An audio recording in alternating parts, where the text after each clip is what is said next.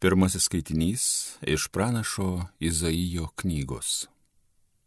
Ieškokite viešpaties, kai galima jį rasti, šaukitės jo, kai jis yra arti. Te palieka nedorėlis savąjį kelią ir nusidėjėlis savosius kėslus. Ir grįžta jis pas viešpatį, kad jo pasigailėtų, pas mūsų Dievą, nes jis labai atlaidus. Nes mano mintys ne jūsų mintys, o mano keliai ne jūsų keliai, viešpatie žodis. Kaip aukštas dangus viršum žemės, taip mano keliai viršyje jūsų kelius ir mano mintys jūsų mintis. Tai Dievo žodis.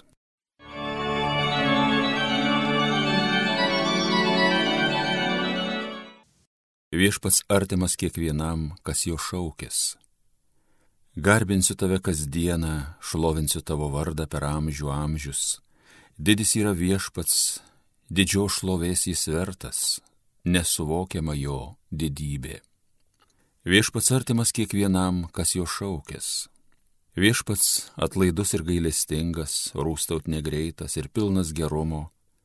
Geras kiekvienam yra viešpats, visiems savo kūriniams gailestingas. Viešpats artimas kiekvienam, kas jo šaukės. Visi viešpaties keliai yra teisūs ir visi jo darbai gailestingi. Viešpats artimas kiekvienam, kas jo šaukės, visiems, kas jo nuoširdžiai trokšta. Viešpats artimas kiekvienam, kas jo šaukės.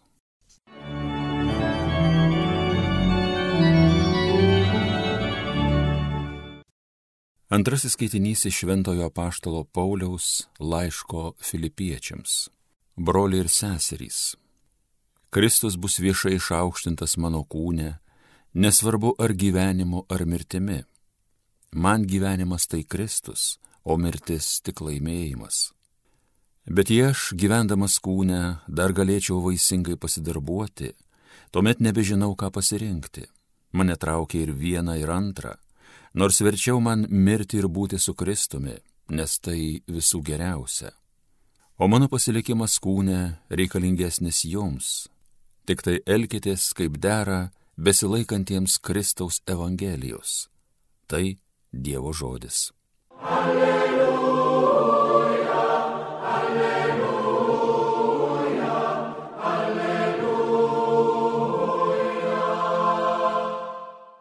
Atverk viešpatie mūsų širdį tavo sūnaus žodžiams. Alleluja, alleluja, alleluja. Pasiklausykite šventosios Evangelijos pagal matą.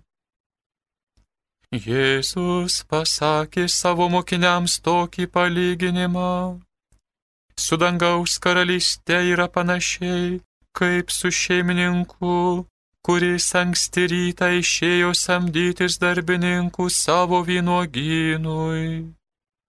Susidėrėję su darbininkais po denarą dienai, jis nusintė juos į savo vynuogyną.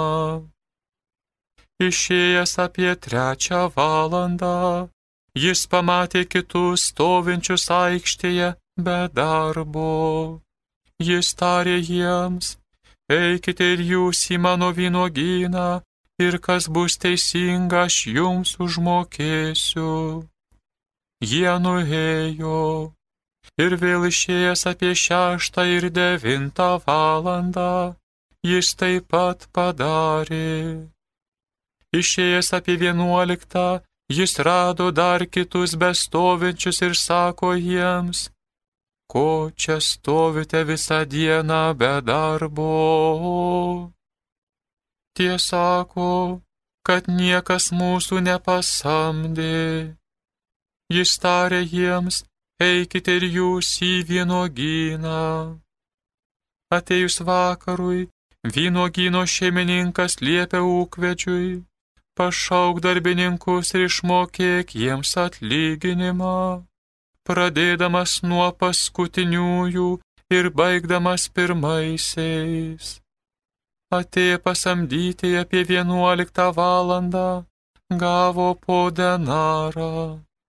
Prisartinę pirmieji mane daugiau gausia, bet irgi gavo po denarą. Imdami jie murmėjo prieš šeimininką ir sakė, šitie paskutiniai te dirbo vieną valandą, o tu sulyginai juos su mumis, kurie nešėme dienos ir kaitros naštą. Bet jis vienam atsakė, bičiuli, aš tavęs neskriaudžiu. Argi ne už denarą susidėrėjai su manimi? Imkas tavo ir eik savo. Aš noriu ir šitam paskutiniajam duoti tiek, kiek tau. Nejaugi mane valia daryti su savo pinigais, kaip noriu. Ar todėl tu šnairuoji, kad aš geras? Tai paskutinieji bus pirmi, o pirmieji paskutiniai. Girdėjote viešpatie žodį.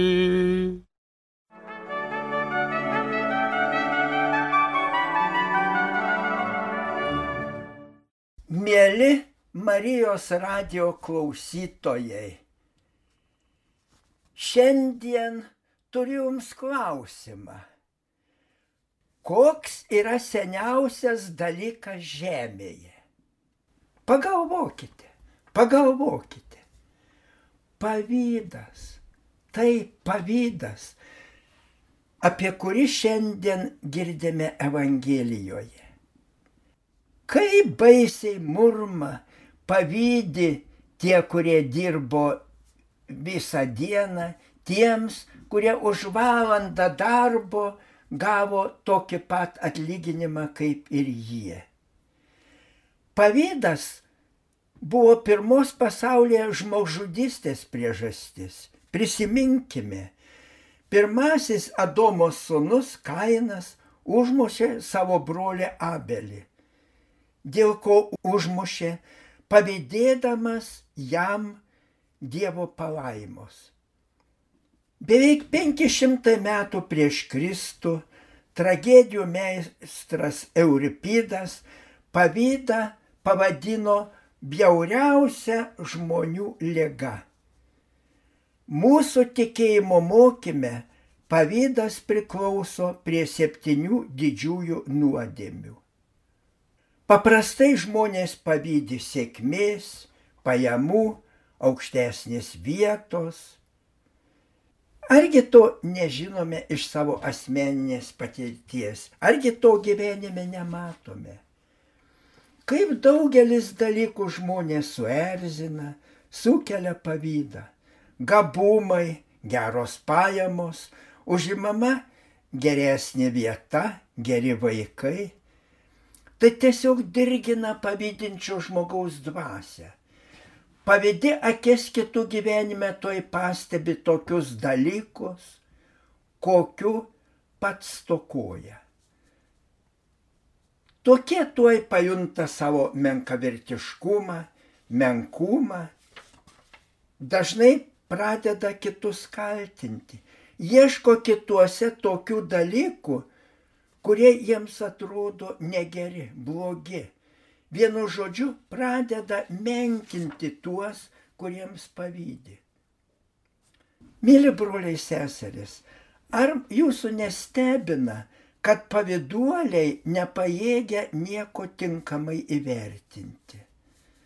Dvasiniai sveiki žmonės tiesiog šaiposi iš tokių, kūrė apie juos net pasišaipimus, pašaipęs patarlės.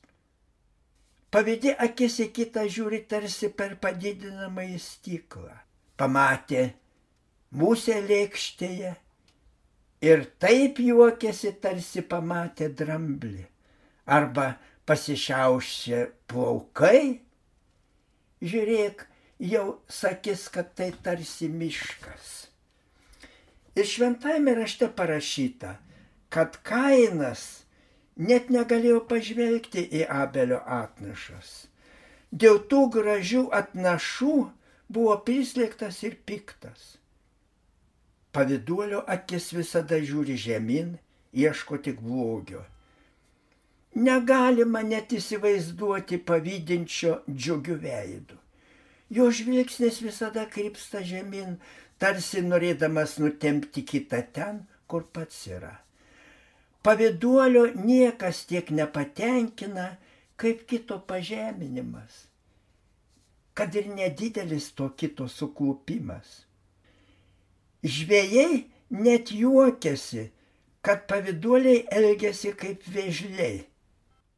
Sugautų vėžlių dėžės niekada nereikia rūpintis uždengti, jie neišlips iš ten. Jei nors vienas pradeda bandyti išlipti, kiti tuoj prikimba ir patraukia žemyn. Ir pavydintis elgesi panašiai.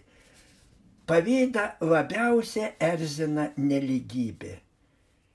Pavydo jausmas veržiasi viską sulyginti, kad tarsi išniktų pagrindas pavydėti. Visai kitaip skatina mąstyti Jėzus. Savo palyginimuose jis gyrė pelniusios talentus ir peikia apsileidusius. Dievo duoti talentai turi būti auginami Dievo garbiai ir žmonių geroviai. Jėzus niekur neragina pašalinti talentų neligybę, tik liepia nugalėti pavydą. Visišką lygybę, ko gero, skatina tik velnės. Pamastykime Žemėje nesame lygus, skaistikoje nebusime lygus, kaip ir danguje. Kaip žvaigždės skiriasi viena nuo kitos spindėjimu, taip ir mirusieji teisiami pagal savo darbus. Galbūt, galbūt lygybė bus pragare, nes ten visi nuodėmingi. Pavydas tai velnio kurstima nuodėmė veržėsi ir žemėje padaryti lygybės pragarą. Šventoji Teresė Avilietė sako, bandymas visus sulyginti visada kelia neapykantą. Pavydinti žmogus ardo savo dvasios ramybę, nes, nes erzinasi, kad pas kitą kai kas geriau, daugiau Bet šios dienos palyginime Jėzus kreipia mūsų žvilgsnius ne į tuos susierzinančius darbininkus, bet aiškiai pabrėžia, kad kreipia mus į dangaus karalystę.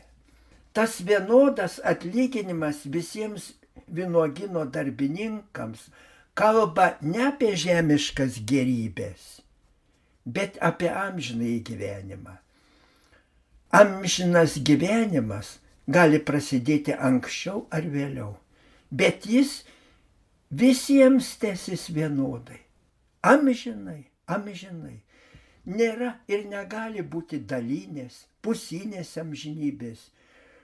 Štai toks supratimas nuostabiausias vaistas prieš pavydą. Dar geresnis vaistas pats Jėzus Kristus žvelkime į Jėzų maldoje, adoracijoje ar procesijoje. Žvelkime dvasia išvenčiausiai sakramentą. Ir nebus skirtumo, ar vienas į jį žiūri, ar burys. Visi vienodai gali žiūrėti į jį. Arba dar daugiau Jį priimame šventoje komunijoje. Ir nėra skirtuma, ar jį priima du, ar šimtas, ar tūkstantis. Visi priima visą Jėzų. Nie vienas negali primti dalies Jėzaus. Visiems jis vienodas. Visi gali atsiklaupę su juo kalbėti. Ir negali kilti mintis kam nors pavydėti. Tik vienas klausimas gali kilti. Vienas.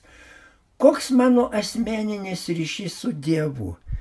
Ar pakankamai esu atsikratęs nuodėmių? ar pilnoje jo malonėje esu. Dar viena priemonė, galutinė priemonė - tai dėkojimas. Nuolat, nuolat turime Dievui dėkoti. Štai aš sveikas. Dėkoju už sveikatą Dievę, nes tiek daug yra sergančių. Dėkoju Dievę, kad matau, nes taip daugelį kankina aklumas.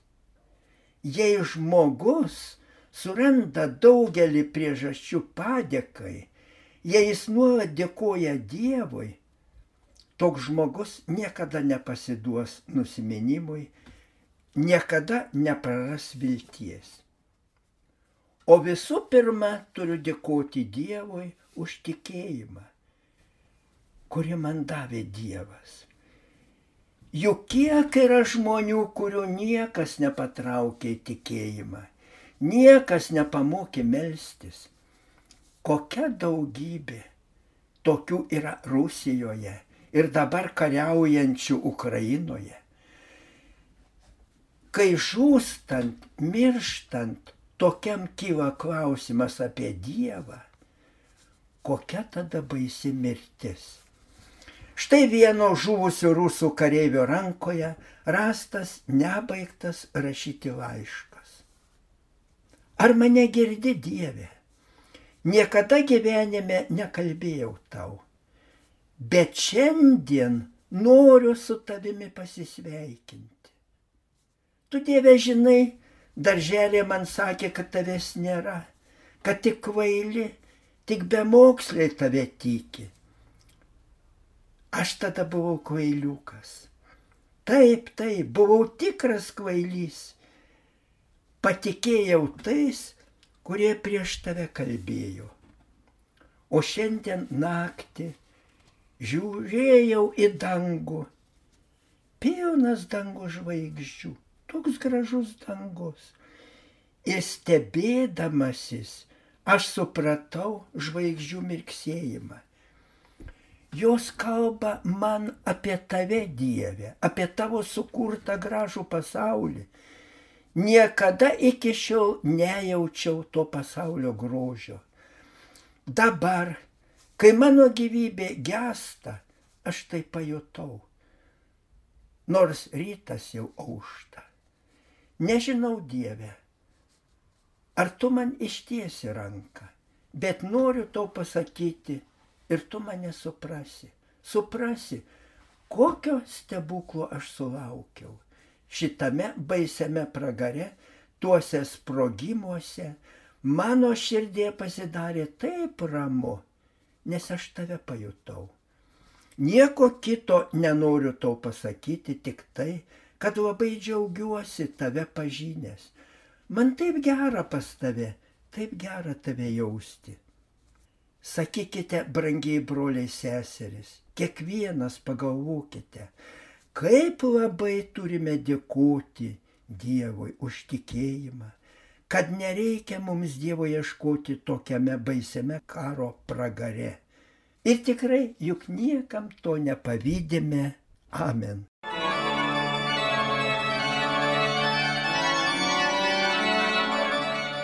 Homilyje sakė panevižio vyskupas emeritas Jonas Kauneckas.